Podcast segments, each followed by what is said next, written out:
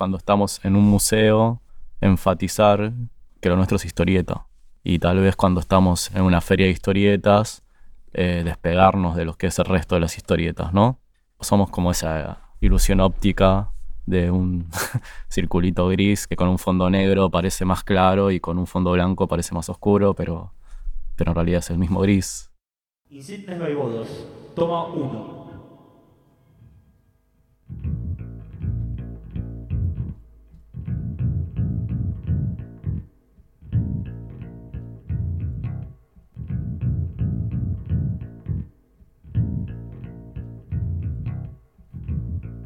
Siendo simultáneamente una revista publicada en papel y un colectivo de investigación y experimentación alrededor del campo de la historieta, Unfaldo explora una serie de procedimientos editoriales y performativos que vivifican movimientos cercanos a las vanguardias del siglo XX, como la patafísica Cobra, Fluxus o el Instituto de Itela.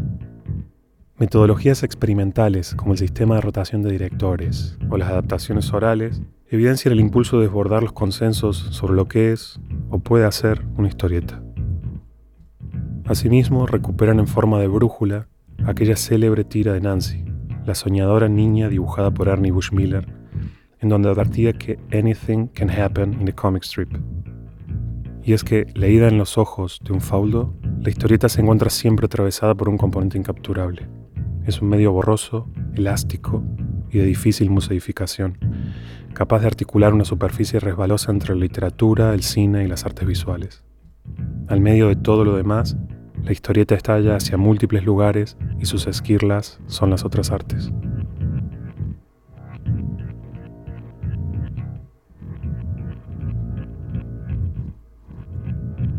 En este podcast hablamos con Nicolás Daniluk y Nicolás Zuckerfeld, integrantes de un faudo sobre experimentación y trabajo colectivo, sobre autores menores y copias masivas, sobre las potencias de traducir y adaptar, sobre la arquitectura de las viñetas como un lugar donde se dirime la velocidad y el tiempo.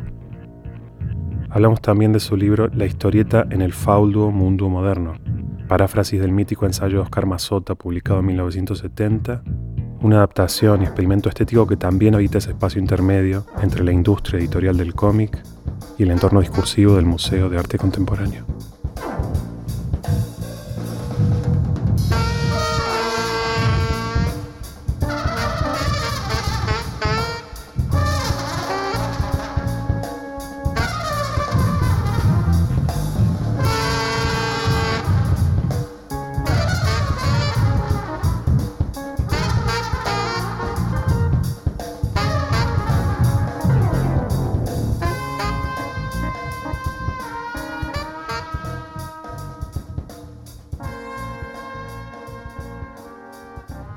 Faldo surge allá por el año 2005 aproximadamente. Eh, surge por una cuestión de puro deseo de un grupo de cuatro personas para hacer una revista que tuviera como centro la historieta. Es decir, tenemos ganas de sacar una revista de historietas. No todos éramos historietistas, alguno que otro era escritor, entonces la idea era mezclar un poco en esa revista eh, voluntades más historietísticas con literarias. Sin embargo, eh, nunca lo pensamos como una cosa muy extraña, ni tampoco partimos como un grupo eh, que publicara un manifiesto y a partir de ahí un programa estético a seguir, sino más bien como la manera de, dar cuenta de lo que nosotros estábamos haciendo. Surge el, el nombre del grupo, que es otra cuestión particular, dado que teníamos muchos, muchos nombres, y nos terminamos quedando con el nombre de una. Un nombre que, digamos, tiene la particularidad de haber sido el seudónimo de una publicación anarcofeminista en la Argentina de fines del siglo XIX, llamada La Voz de la Mujer. Eh, ese seudónimo era utilizado por los compradores de esta publicación para obviamente ocultar su identidad y una lista de compradores, o sea, de seudónimos de compradores fue publicado en el número uno de esta revista. Eh, muchos nombres bastante particulares, eh, bastante graciosos, porque los anarquistas siempre fueron muy graciosos. Y uno de ellos decía un faudo con un precio, ¿no? Que se ponía, cada uno ponía el precio que, donaba para la causa. Y nunca supimos qué significaba un faudo, teníamos internet en aquel momento, lo buscamos, no salía ningún resultado, eh, fuimos a una biblioteca anarquista, la persona que trabajaba ahí tampoco, pensamos que puede ser un error tipográfico, algo en un idioma que no conocemos, pero nos interesó justamente por su cacofonía, por su difícil pronunciación y porque no sabíamos qué significaba. A partir de eso surge un faudo como revista y empezamos a, a implementar una serie de sistemas que, insisto, no fueron sistemas a priori, sino que empiezan a aparecer una vez que ciertas metodologías se empiezan a repetir. Entonces empezamos a encontrar, eh, por ejemplo, que nos interesaba variar cada número y entonces empezamos a, establecer un sistema de rotación de directores. Ese sistema de rotación de directores se basó en la, en la particularidad de que cada número fuera dirigido por alguien diferente que estableciera la forma de la revista. Eso obviamente generó que cada número eh, variara el formato, variara el contenido, variara la propuesta y también generó mucha demora en lo que tiene que ver con el proceso de producción de cada número. Es decir, si bien nosotros comenzamos con una cuestión más eh, de naturaleza fancinera, digamos con fotocopias, más inmediato, etc. la idea de variar la forma en cada número eh, era diferente a la de otras revistas que tienen una plantilla, una, una forma determinada y ponían sus viñetas o sus páginas ahí y se basaba en una compilación de, de historietas. Acá éramos cuatro y empezamos a armar una revista en la que no se notara mucho quién hacía qué cosa. Este sistema de rotación de directores generaba una extraña homogeneidad porque en cada página podían convivir viñetas de diferentes autores. Es decir, no es que de, la página 2 a la 4 la hacía yo, de la 4 a las 7 le hacía otro, sino que en cada página podía haber diferentes eh, estilos. Y decía que eso demoraba tiempo porque cada número era un nuevo comienzo, es decir, no teníamos una, una estructura determinada donde poníamos las historietas, sino que era volver a empezar cada vez si seguimos como la historia de un faudo, empezaron a aparecer ciertas este, em, manifestaciones performáticas en la calle, como para eh, llamar la atención y, vender números. Íbamos a la puerta de diferentes eventos artísticos o incluso eventos no artísticos y gritábamos el nombre de la revista, gritábamos consignas, llevábamos un piano, nos poníamos máscaras, etc.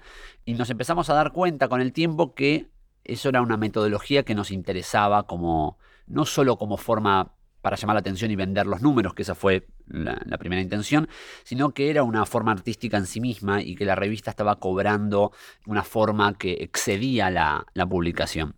Mm, a partir del número 5 más o menos, empezó a haber como una cierta autoconciencia de, nosotros mismos, nos empezamos a incluir como personajes de, de, la revista y esos personajes eran aquellas personas que estábamos con máscaras empezaron a aparecer este, temáticas recurrentes, empezó a aparecer personajes recurrentes, eh, cierta utilización de la cultura popular que habíamos consumido durante nuestra infancia, como por ejemplo los Simpsons, empezaron a aparecer deformados en nuestros, números, incluso uno de nosotros eh, portaba una máscara de, de Homero Simpson.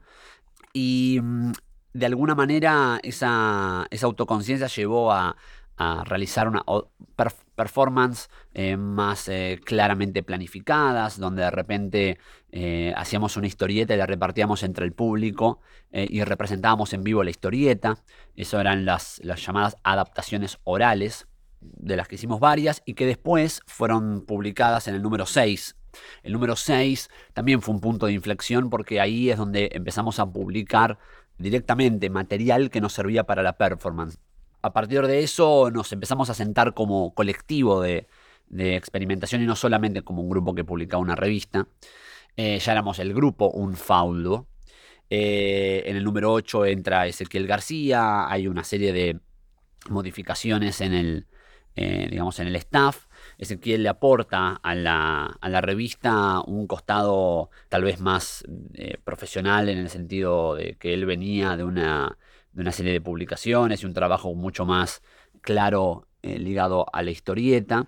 y empieza a plantear como idea hacer del número 8, que es el primer número que él dirige, ¿no? por, esta cuestión de la rotación de directores, hacer mil ejemplares, lo que para nosotros fue un cambio bastante fuerte en lo que tiene que ver con la distribución, dado que nosotros veníamos de hacer 100 copias, 200 copias en, una fotocopiadora, en una imprenta, pero muy, muy poca cantidad, se agotaba muy rápidamente. Y las ferias, etcétera, pero de repente sé que él propone hacer mil en un formato muy grande, con una textura de página que, digamos, que tenía que ver con, los diarios, los tabloides, etc. Eh, entonces es un, cambio bastante importante e interesante de ver cómo de repente una revista con un, con un de, corte más bien experimental y extraño y áspero en la lectura, eh, de repente tenía, tantas, tenía muchas copias. ¿no? Entonces a partir de eso, bueno, fuimos desarrollándonos más como, como grupo eh, y ya nos empezamos a autodenominar colectivo de investigación y experimentación alrededor del campo de la historieta. Entonces ahí es cuando de repente la historieta empieza a ser un objeto, un material a investigar y surge eh, el libro que hicimos eh, a partir del ensayo de, Oscar Mazota que se llama La historieta en el fauldo mundo moderno, siendo como una especie de paráfrasis del título original, una desviación del título original que es La historieta en el mundo moderno. No, no queremos que que se piense en esta cosa medio romántica de estar como encarnizando una discusión. Eh, digo, no, porque vos, no sé qué cosa. Y no, no, no, hay, no hay una, una discusión en ese sentido.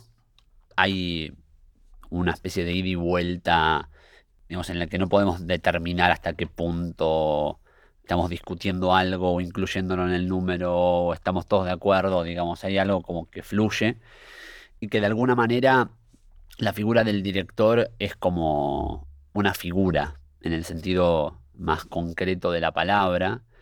No hay una cosa dictatorial de que nos ponemos al servicio de él para, trabajar, eh, sino que se pone a discusión. Ahora, es la propuesta de ese director. Y uno tiene que tener en cuenta también que hay una especie de lógica de carrusel en la que, bueno, en la próxima propondré yo y después propondrá el otro. Entonces, en ese sentido, es una monarquía paradójica la que se establece en el grupo, porque, como vos decías recién, hay algo eh, fuertemente colectivo, pero al mismo tiempo hay un director. Al principio era más el director editaba el número, lo, lo cortaba, lo pegaba, lo armaba. Y después con el tiempo nos fuimos dando cuenta de que, bueno, todos estamos colaborando en ese proceso, entonces, ¿por qué lo iba a hacer solo el director? Hagámoslo todos. Y el director sí tenía un rol variable también, porque a veces el director es el que solamente trae la propuesta y después vemos lo que hacemos. A veces el director es el que también opera con los materiales, los recorta, los monta. A veces el director lo que hace es filtrar el material. Eh, entonces, el rol del director es variable. No es que el director tiene una sola misión o una sola metodología, sino que va variando igual que los números. Entonces, en ese sentido, una cosa que quería agregar a la que decía Dani Luke es que la revista termina siendo muy difícil de ser cooptada porque es una, revista muy difícil de explicar. O sea, cuando, tenemos que decir cómo es la revista, tenemos que explicar la forma de la revista. No podemos decir simplemente que es una revista donde van historietas adentro y hablar de las historietas, sino que la variabilidad de historietas que hay es también la variabilidad que hay respecto al formato. Entonces se te escapa de las manos. Nada lo teníamos planificado, sino que lo fuimos encontrando. Entonces también fuimos encontrando que nuestra revista dialoga con lo colectivo, casi sin proponérnoslo. Si solamente ves una página, hay cinco personas diferentes trabajando en esa página. Además de literalmente producir historietas de manera colectiva, es decir, yo hago una viñeta mientras otro está dibujando, digo, siempre nos sacamos fotos dibujando y éramos cuatro manos sobre una misma hoja de papel. Por eso también es una revista tal vez muy áspera en el contacto con la, con la gente y siempre nos, nos pusimos como en un lugar medio incómodo, que es entre las artes plásticas y la historieta, ¿no? Eh, siempre decimos que para los historietistas en lo que hacemos no son historietas, sino que es otra cosa. Y para las artes plásticas somos simplemente una revista de historietas. Siempre cuando hablamos de, de la tradición de la historieta, la historieta que normalmente la gente consume, la que más, la más popular, es una historieta fuertemente atravesada por la, por la literatura del siglo XIX, por la literatura popular del siglo XIX. Me refiero más a Charles Dickens que a Flaubert. Eh, y eso lo que fue haciendo con la historieta es generando un tipo de narración más bien tradicional, lineal, en la que uno se puede identificar con los personajes, estructurados de una manera clara, etcétera, etcétera.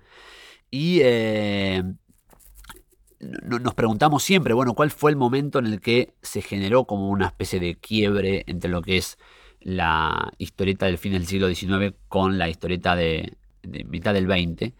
¿Qué pasó en ese momento, no? Antes la historieta era muy salvaje, me parafraseando el título de un libro, y era una historieta completamente entregada a la experimentación con la gramática y con su propio lenguaje. Y esto es algo que nosotros empezamos a descubrir en el tiempo, es decir, de repente empezamos a, a investigar a Winsor McKay, empezamos a investigar este Crazy Cat, etc. Y empezamos a encontrar ahí como, ah, mira todo lo que había, que dialogaba con lo que nosotros hacíamos y que no nos habíamos dado cuenta. Esa idea es interesante respecto de lo que vos me preguntabas o nos preguntabas respecto del diálogo con el pasado, porque es como que encontramos el pasado en el futuro. La historieta en la actualidad está fuertemente atada al, carácter prosaico, por lo menos en lo que tiene que ver con la, con la manera de leerla.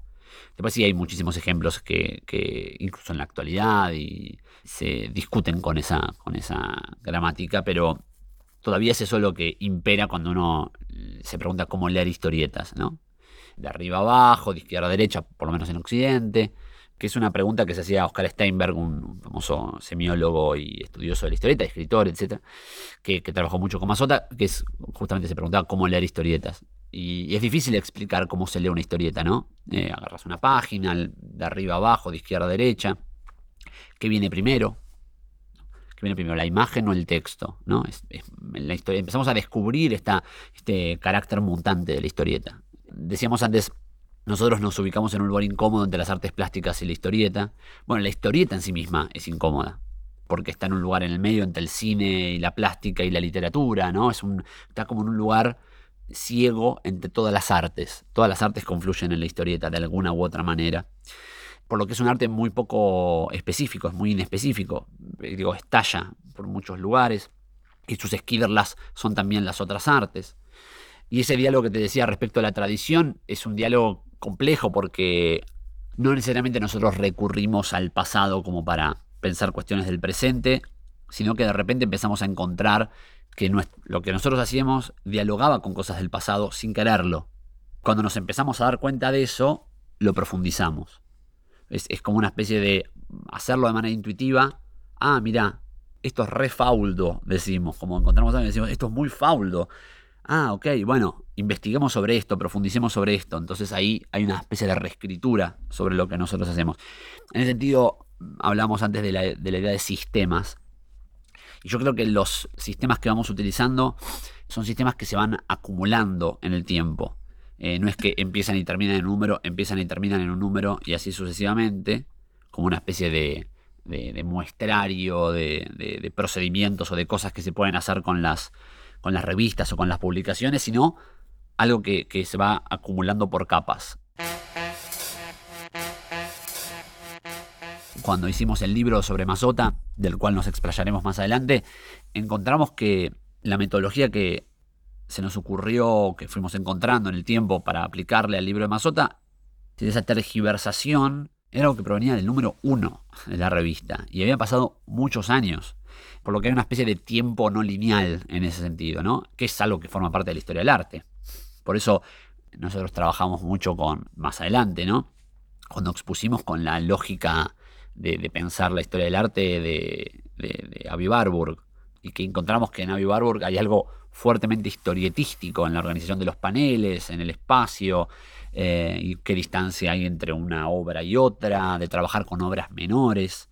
En el Atlas Nemocine de Barburg no hay obras grandes, eh, hay de artistas grandes, pero no de... No, no está el Guernica de Picasso, ahí están los estudios para hacer unas flores de Monet. Eh, en ese sentido, nosotros también trabajamos sobre obras menores. No trabajamos sobre, yo qué sé, el happening de Mazota. Trabajamos sobre un libro sobre historietas. Porque la historieta es menor en un punto. Así es vista. Queremos hacer historietas y trabajar con algo que se ha abandonado, que es la experimentación. Eh, en esa especie de punto ciego entre la industrialización de la historieta y la era de oro, ¿no? Eh, se ha perdido esa experimentación con la gramática. Una experimentación que incluso si uno profundice, se mete, se mete, se mete, empieza a encontrar que también estaban ciertos autores de, de la industria.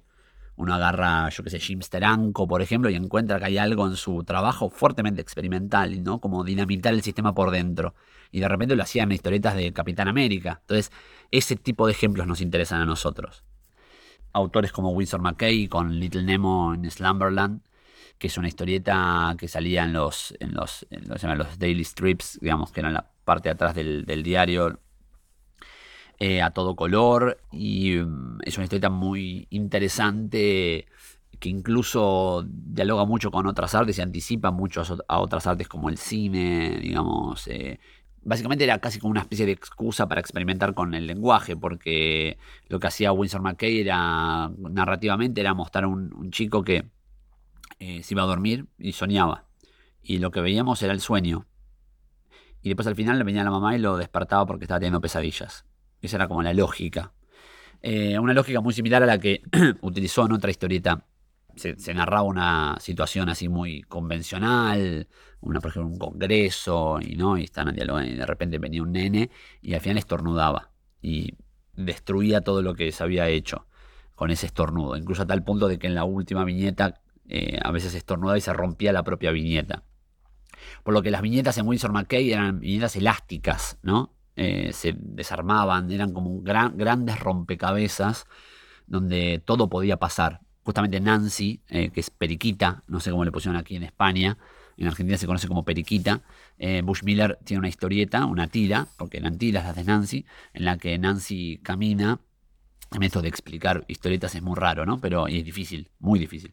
Y ves que en la primera página dice todo, en la próxima dice puede, y ves a Nancy como invertida, de cabeza para abajo, suceder, ¿no? y está caminando desde otro lado de la viñeta en una historieta. ¿no? Esa frase a, nosotros nos parece como la síntesis de todo. Es decir, que todo pueda suceder en una historieta eh, es algo muy interesante de pensarlo. Y también en una tira que salía en los periódicos, la de Nancy. Pensamos también en ejemplos como Frank King, por ejemplo, y Gasoline Alley, que es una historieta que también se publicaba en los diarios y tenía dos particularidades. La primera de ellas es que Frank King eh, un autor eh, que hizo Gasoline durante muchísimos años y que sus personajes fueron creciendo en el tiempo, literalmente. Algunos se morían, otros crecían, otros nacían, ¿no? Era como casi como una especie de gran comedia humana a lo Balzac, donde se van cruzando personajes y eh, es una cosa gigantesca, gigantesca realmente. Pero además, en, la década del 20, Frank King hizo algunas páginas, no todas, donde se pensaba mucho en la página como en términos arquitectónicos, como si experimentara también con, con la viñeta como cápsula de tiempo. Un personaje, por ejemplo, nosotros sabemos que las hay viñetas, hay una, la división entre viñeta y viñeta, se llama calle, ¿no? Ese espacio. Y es un espacio rarísimo, que depende cómo vos, si lo ampliás, lo, lo dilatás, no lo pones, ¿no? Va generando una dinámica narrativa diferente, va generando un trabajo con el tiempo diferente. Y de repente había un personaje que aparecía en una viñeta y continuaba en la que venía. Entonces generaba un efecto muy raro, ¿no? Porque iba para atrás y para adelante el personaje y, vos tenías que alejarte mucho para ver una figura, por ejemplo, una casa, y te acercabas y había microhistorias en cada una de las viñetas, algo que mucho tiempo después va a retomar eh, un historietista americano que se llama Chris Ware, por ejemplo. Muchísimas historietas se han hecho a partir de, literatura y como si la literatura ayudara a la historieta a ser eh, más fácil, eh, de, más fácil lectura y eh, incluso en la actualidad, en la idea de tratar de llegar a, gente que no lee, haciendo adaptaciones en historieta, ¿no? Como si la historieta fuera fácil de leer, entonces se hacen adaptaciones de libros muy complejos y en historieta como que los, chicos puedan seguir las, los dibujos, ¿no? Entonces, ya sabíamos que la historieta tiene una gran tradición en adaptar literatura, pero no ensayo. E incluso te diría que el arte no tiene, digamos, el cine o no, no, no, no suele adaptar ensayos. Sí suele hacer el cine, eh, sí se suele pensar cierta forma cinematográfica en la, forma de un ensayo, pero adaptar un ensayo, no. Creo que conozco dos casos. El de Alexander Kluge haciendo el Capital, no el Capital, sino los textos de Einstein sobre el capital de Marx y lo que hizo Guy Debord con su propio libro, con la sociedad del espectáculo. De hecho, son ejemplos interesantes para pensar respecto de, lo que nosotros hicimos. Porque la pregunta sobre la adaptación es una pregunta que ha atravesado la historia del arte, es decir, cómo, se pasa este lenguaje a este otro. ¿no? Hay un famoso texto de, Walter Benjamin que se llama La tarea del traductor, donde empieza la idea de la traducción como una especie de, en un momento dice, como un jarrón que se rompió y, tenemos que volverlo a armar. No existe la fidelidad total en la, traducción. Él, prefería un tipo de traducción imperfecta, en la que al mismo tiempo vieras ese jarrón, pero también vieras las rajaduras de ese jarrón. ¿no? Es decir, veas la lengua original y también la lengua a la que se está, se está dirigiendo. Y en ese sentido, la, adaptación eh, está fuertemente atravesada de este problema. Es decir, este, de qué manera en nuestro libro se iba a ver a Masota y de qué manera nos íbamos a ver a nosotros en el libro y la operación que nosotros íbamos a hacer. Entonces había una operación en la que nosotros no queríamos hacer como esos libros para principiantes, no sé si ustedes acá los conocen, pero en Argentina se distribuyen, hay, hay una colección muy grande. No queríamos ser didácticos en el sentido tradicional de la palabra didáctico. En todo caso, preferimos el didactismo de Bertolt Brecht que, el didactismo, digamos, eh, eh, académico. Eh, pero sí la idea de que sea una, una adaptación que expusiera esa tensión entre los materiales. Entonces por eso la técnica del sampleo, del remix o de la reescritura es algo que, usamos mucho, ¿no? La, que es un poco la esencia de la historieta, ¿no? La fotocopia, ¿no? Fotocopiar el material. Cuando nos preguntamos cómo hacerlo, eh, empezaron a surgir problemas, que si se mantiene la estructura del libro, modificamos el libro, qué ejemplos utilizamos. Eh, usamos ejemplos del año 2015, que fue el año en el que hicimos el libro, usamos cualquier ejemplo. Bueno, entonces empezaron a aparecer ideas hasta que finalmente se logró una forma acabada. Después ahí sí de muchas discusiones sobre, bueno, qué hacer. Porque empezamos a dibujar nosotros. Empezamos a agarrar, fotocopiar, escribir, recortar, etc. Hay dos ideas que fueron las que de alguna manera filtraron ese material, que fue la primera, mantener la estructura del libro. Es decir, mantener los mismos capítulos que el libro de Masota tiene. Y en consecuencia, si vamos a utilizar materiales, por fuera de los que usa Masota, usarlos hasta el año 1970. Como si nosotros fuéramos a la casa de Masota y nos metiéramos en la biblioteca de él y fuéramos a los libros que él leía, tenía o podía comprar en aquel momento conseguir en aquel momento. Entonces, limitarnos al año 1970, que fue el año de publicación, por lo que no van a encontrar en ese resampleo, en ese sampleo del material, no van a encontrar nada después de 1970. Y de ahí las metodologías que fueron apareciendo, que son, y esto es algo que encontramos también con el libro de Mazota, que es como, por fin encontramos un autor que, que hablaba sobre nosotros. Y hablaba sobre nosotros en 1970. No es que había recién publicado un libro, ¿no? De nuevo esta cosa con la tradición. Tal vez si lo hubiésemos leído a Mazota, ni bien empezamos un faudo, hubiese sido diferente la historia, pero nosotros estábamos dialogando con él de manera inconsciente. y en ese sentido, eh, muchas de las cosas que él decía eran cosas que nos explicaban a nosotros. Nosotros desde que leímos Masota y lo usamos para nuestro libro, explicamos nuestras ideas a partir de textos de él, por ejemplo. Es como hablamos por boca de Masota ahora. Eh, y, nos explicamos más recurriendo a sus textos, incluso discutiendo sus textos. Porque lo interesante es pensarlos también desde la, desde la actualidad. Bueno, algo inevitable porque nuestra intervención es eh, desde el 2015, en aquel momento que hicimos el libro. Entonces, eh, ahí es cuando empezó a aparecer más la forma del libro. Ahora no tanto, hay alguna que otra vertiente, pero durante muchos años el, el, historietista promedio, digamos, por lo menos en la Argentina, rechaza fuertemente lo que es la reflexión en general. Incluso el historietista promedio tiene un rechazo muy fuerte al campo del arte contemporáneo.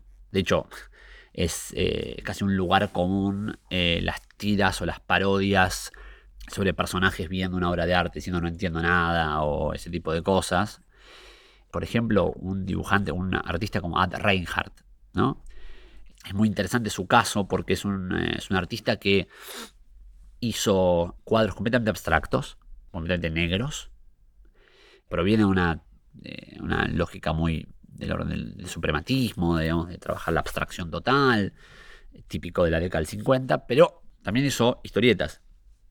Hizo un libro en el que incluso parodia mucho, no al arte contemporáneo, sino a las personas que ven ese arte contemporáneo. Es muy interesante, hay una, una pequeña tira en la que hay un personaje, todo vestido de traje, con un sombrerito, que va a ver un cuadro, sospechosamente parecido a un cuadro de Anne Reinhardt, y se queda mirando y dice, ¿y esto qué significa? Y de repente el cuadro agarra, sale una manito del cuadro y lo señala y le dice, ¿y vos qué significás? En ese sentido era muy interesante porque es casi lo contrario a lo que hace- hacen los historietistas de burlarse de las obras de arte y decir esto, esto no, es nada. eh, digo, también hay una, una, sobre todo en la década del 70, hubo una, algo muy reactivo a la teoría de, de Mazota y eh, a, los estudios del campo de la sociología, de la semiología sobre la historieta, todo lo que, lo que generó el libro de Humberto Eco, Apocalípticos e Integrados, digamos, los historietistas se sintieron como, epa, no, no te metas en mi campo, digamos, que son todas pelotudeces las que se están diciendo. Y en ese sentido hay como una especie de lucha o de reivindicación de la historieta que dice, no, nosotros hacemos arte menor.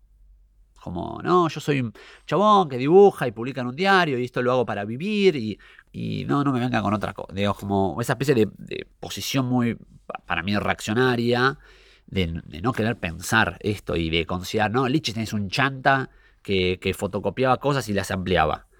No, es un poco más complejo que eso, ¿no? Pero hay como una cosa medio reactiva y sobre todo muy eh, resentida, digamos, al, al arte contemporáneo.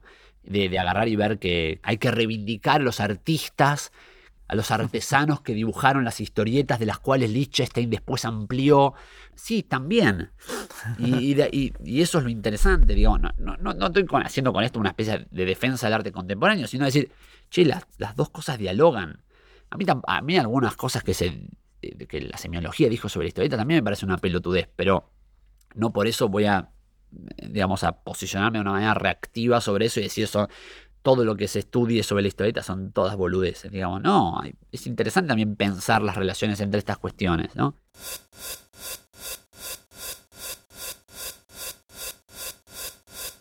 Pero sí, hay una, una cosa muy de. muy antigua también, ¿no? De, de pensar una separación muy tajante entre el, el- el histori- el estereotipo del historietista barbudo eh, con anteojos. eh, falta quería con nariz grande y me describo a mí mismo, pero digo que, que agarra y está con su estudio todo lleno de, co- de cosas y, y dibuja sin parar y publica y no sé qué, y no, no basta y no, no quiero pensar más que esto que tal vez el resultado sea genial, pero evidentemente es eso. No, estoy diciendo nada en contra de eso, que incluso en algunos casos me parece buenísimo, sino me llama la atención. Me llama la atención que en otros tipos de, de artes haya una inevitable reflexión, digamos, mientras que en la historieta no tanto. En la historieta los estudios sobre la historieta son infinitamente menores a los estudios sobre cine, sobre artes plásticas, sobre música. Digo, la idea de la crítica, por ejemplo. La crítica literaria, la crítica cinematográfica, por más eh, defenestrada que esté, por más degradada que esté en algunos, en algunos casos, digo, tiene, hay una gran tradición. Y sobre historieta hay muy poco. Sí, hablamos eso de que la historieta es copia. Digo, el, la historieta el original es la copia. Eh, porque, bueno, también pasa con el cine. No hay tantas subastas del fílmico. La historieta es un lenguaje que resiste esa cuestión de la exposición. Vos podés exponer originales, etcétera, pero la lectura de ese material es, es interesante. Por eso lo que había hecho Mazota en el Instituto de Itela eh, a fines de la década del 60, de alguna manera tomando la idea de lo que había hecho el Louvre, es modificar el tamaño de las viñetas, o sea, como acentuar ese carácter de copia, ¿no? Como ampliarlas, reducirlas, o sea, no es solamente la exposición de originales, sino también eh, de alguna manera generar una, especie de narración la muestra en sí misma, ¿no?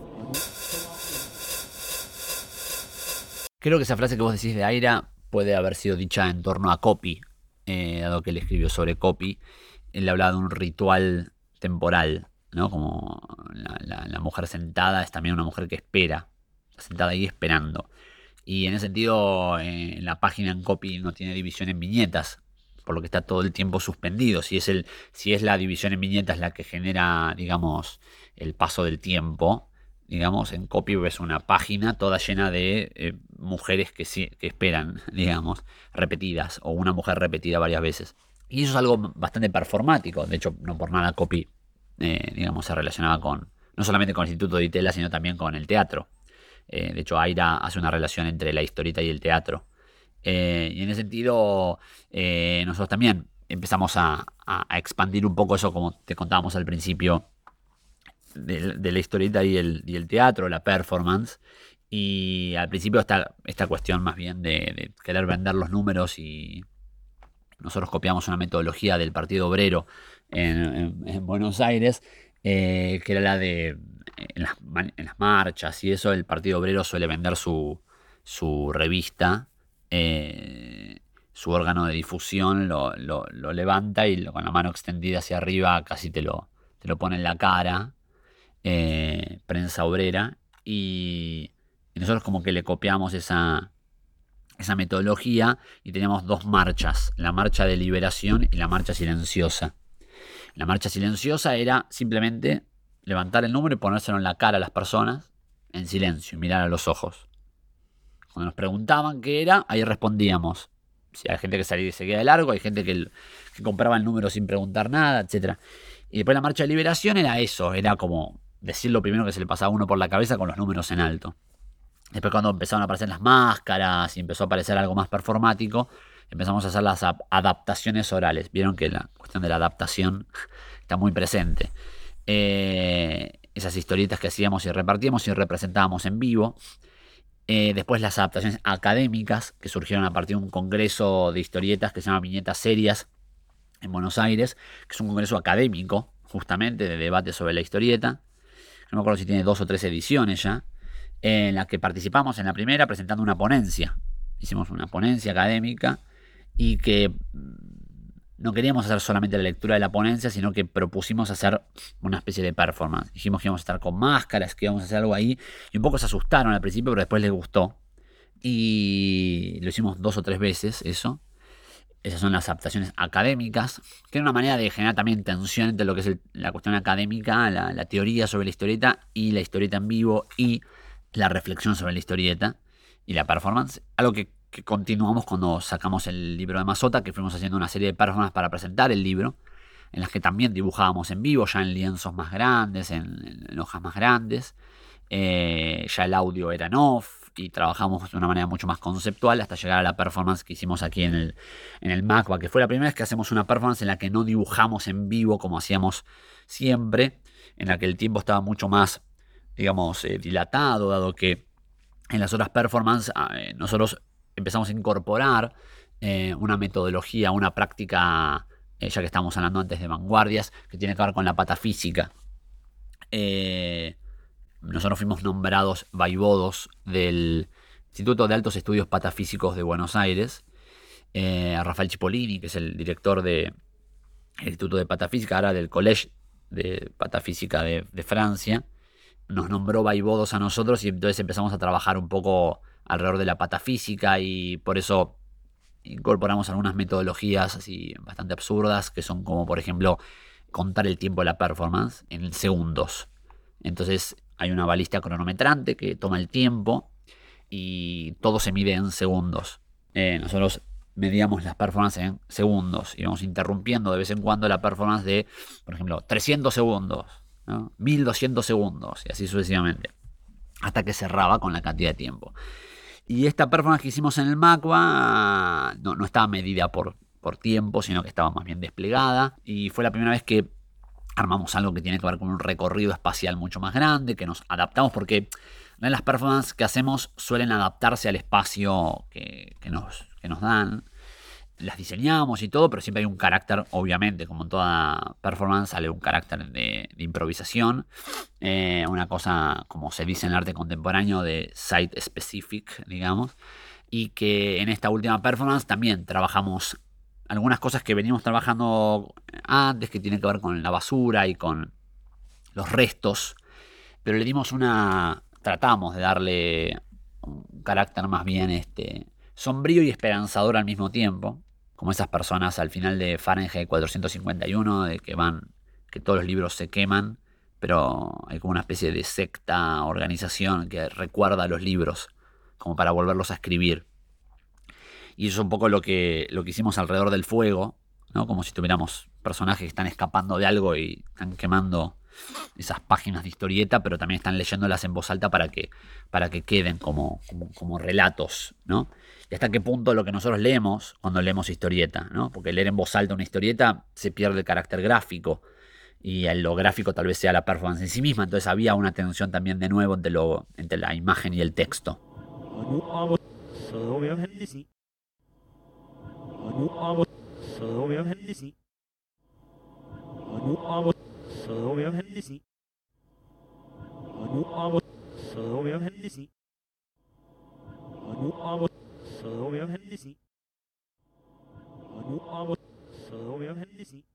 Sí, la primera exposición que hicimos eh, era un espacio bastante grande que tenía un recorrido y además tenía un sótano. Y la exposición versaba sobre el trash, ¿no? la basura, los desperdicios. Así que nos invitaron a, a participar y nosotros en ese momento planteamos como una especie de instalación que tenía que ver con la expansión del faudo mundo, como si, si lo que surgían las historietas, un poco los personajes que íbamos creando y se iban repitiendo, pasarlos a un espacio físico, ¿no? Ahí hicimos también, diseñamos el catálogo. Claro, y diseñamos el catálogo, eh, trabajamos con la adaptación porque el curador lo que hizo fue pedirle a cada expositor que mandara una imagen que podía ser de su obra o no, pero tenía que tener algún tipo de relación con su obra. Y nosotros teníamos que trabajar en el catálogo gráficamente a partir de esas imágenes como referencia. Y bueno, y después participamos de otra muestra, ¿no? En el fondo. También en el Fondo Nacional de las Artes, otra muestra que, también era una muestra colectiva. Y ahí eh, ya habían avanzado varios números, habían pasado varios años de nuestro grupo. Y armamos una especie de de historieta desplegada en una pared gigante que había ahí también en el sótano. Pero ahí ya, eh, ya estamos trabajando con Avi Barburg y hicimos una especie de reproducción de ese atlas, pero fue una especie de atlas sobre nosotros. Eh, y parafraseamos el título de una, de una exposición que curó Didi Uberman, creo que incluso en, el, en el Reina Sofía, que se llama Cómo llevar el mundo a cuestas que yo había tenido la oportunidad de ver y me había parecido fascinante lo que había hecho, como tratar de actualizar la, la obra de Barbour con ejemplos más contemporáneos también, o sea, como agarrarla toda la, obra que hay en el Reina Sofía y reorganizarla a partir de la lógica de Avi Barbour. Lo que hicimos es hacer una muestra que se llamó Cómo llevar el mundo a cuestas y armamos una especie de atlas de nosotros mismos en la que expusimos sobre una gran pared separado por marcos negros eh, desde pinturas y cuadros y dibujos que hicimos nosotros, mezclados con referencias, con otras obras que dialogaran en términos formales, en términos de contenido. Eh, entonces era como una, manera de revelar todo nuestro universo. Y después continuamos, hicimos la de. ¿En la, en la línea Piensa ya o.? No, en Rosario, bueno. Ah, en Rosario. también trabajamos con un formato grande. Ahí, bueno, hicimos trabajos también específicamente para el espacio, entonces planteamos como una historieta que recorriera todo el espacio, que caiga de los techos y se desplegara hasta el piso. Mm. Y además, este, en la inauguración habíamos reservado una pared donde habíamos empapelado y en la inauguración realizamos una historieta en vivo, una historieta grande en vivo, eh, mientras se desarrollaba ahí la, la inauguración. Por lo que básicamente el tema del, pienso mientras lo vamos hablando, ¿no? Como el tema de las escalas es algo que a nosotros nos interesa mucho y que también encontramos en la, primera Bienal Mundial de la Historieta que hizo Mazota, que es la, la cuestión es que generalmente las historietas son chiquitas, tienen un formato pequeño, por más que el original sea grande, por más que los historietistas dibujen sobre un formato grande, finalmente se termina publicando en un material pequeño. Y cuando exponemos, cada vez que exponemos, decimos, bueno, tratemos de hacer. Hicimos una que fue tradicional, entre comillas, donde expusimos originales, que fue cuando hicimos el número 8, que expusimos los originales enmarcados en un cuadrito, los originales del número 8, Claro. pero también expusimos eh, las, ¿cómo se llaman? Las planchas de impresión. Claro, las planchas de impresión, la, la imprenta nos las cedió. Están grabadas, digamos, en, invertidas las imágenes, las páginas, y las pusimos como material expositivo también. Y le Claro. pusimos a la muestra, le pusimos, usted está viendo un Faulo 8. E incluso llegamos a, encuadrar el recibo de cuánto nos salió a hacer el número también, ¿no? Entonces dijimos, bueno, ok, si vamos a exponer originales, expongamos todo. O sea, expongamos hasta lo que nos salió a hacer el número, la plancha de impresión. O sea, eh, evidenciemos que esto es una revista también. Sí, además hay como una diferencia muy grande entre el original y lo que está publicado, porque el trabajo de adaptación y de edición lo hacemos digitalmente, entonces eh, a veces es muy diferente lo que queda del original que lo publicado, que a veces son varias páginas superpuestas o, o recortadas y puestas de diferentes tamaños. También se evidencia eso en las muestras. Mm.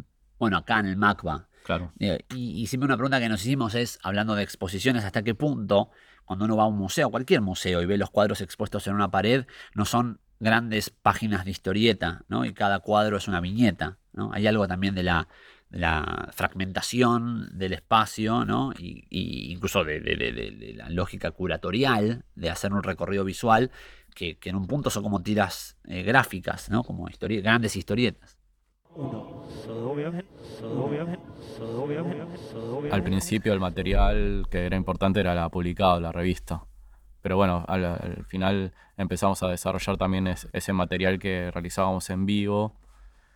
Y entonces, bueno, ahí teníamos como grandes rollos de papeles que los fotografiábamos y los publicábamos en la revista, pero ya tenía un carácter más de obra. Después, bueno, también hicimos una pequeña exposición en Rosario, en una librería, donde también planteamos eh, poner una, especie de archivo donde estaban presentados en folios y se podía ver como la, materialidad de, las obras, ¿no? que muchas veces nos, no sale reproducida la, en la publicación. Claro, que iban desde servilletas hasta papelitos así chiquitos, o sea, como que evidenciar que tal vez a veces dibujamos en un material muy chiquitito o que son dibujamos sobre cualquier cosa, ¿no? Como algo de la espontaneidad del dibujo, casi como esas personas que, que hablan por teléfono y hacen garabatos, los doodles eh, o doodles. Bueno, hay algo también que hacemos mucho nosotros que es eso, como juntarnos en un bar de a cuatro y estamos eh, almorzando y de repente nos, nos ponemos a dibujar. Y de repente eso puede formar parte del próximo número también, por lo que hay una especie de estado constante de estar dibujando y haciendo cosas. El dibujo tiene eso de, de la inmediatez, de que no hace falta plantar el lienzo y pasarle, digamos, de prepararlo, etcétera, etcétera, sino que podemos, sobre cualquier superficie se puede hacer algo, ¿no? De repente alguien dice, che, esto está bueno, bueno, guardalo. Y, lo- guarda en las peores condiciones, o sea, doblado, metido en una mochila, después se llena de aceite, en fin, digo, tiene como algo Sí, muy o- o también. recuerdo que cuando hicimos el número 5, la idea era juntarse en bares o en la casa de alguien y, y dibujar y hacer historietas en el momento también. Y, y después, capaz que uno veía ese material y no estaba muy convencido, pero bueno, yo lo llevaba a mi casa y lo escaneaba, lo superponía y así armaba, por ejemplo, la tapa. Y muchas cosas quedaban afuera, otras adentro también, como probar y ver qué funciona. Y bueno, se va generando una especie de selección también. Mm. Mm. Igual guardamos cada vez más cosas. Sobre todo desde el libro de Mazota es como que vamos a tener más conciencia de que está bueno guardar más cosas. Y hemos tirado un montón. eh, bueno, de ahí que la basura sigue siendo como una especie de leitmotiv en nuestra obra. Sí, algo así.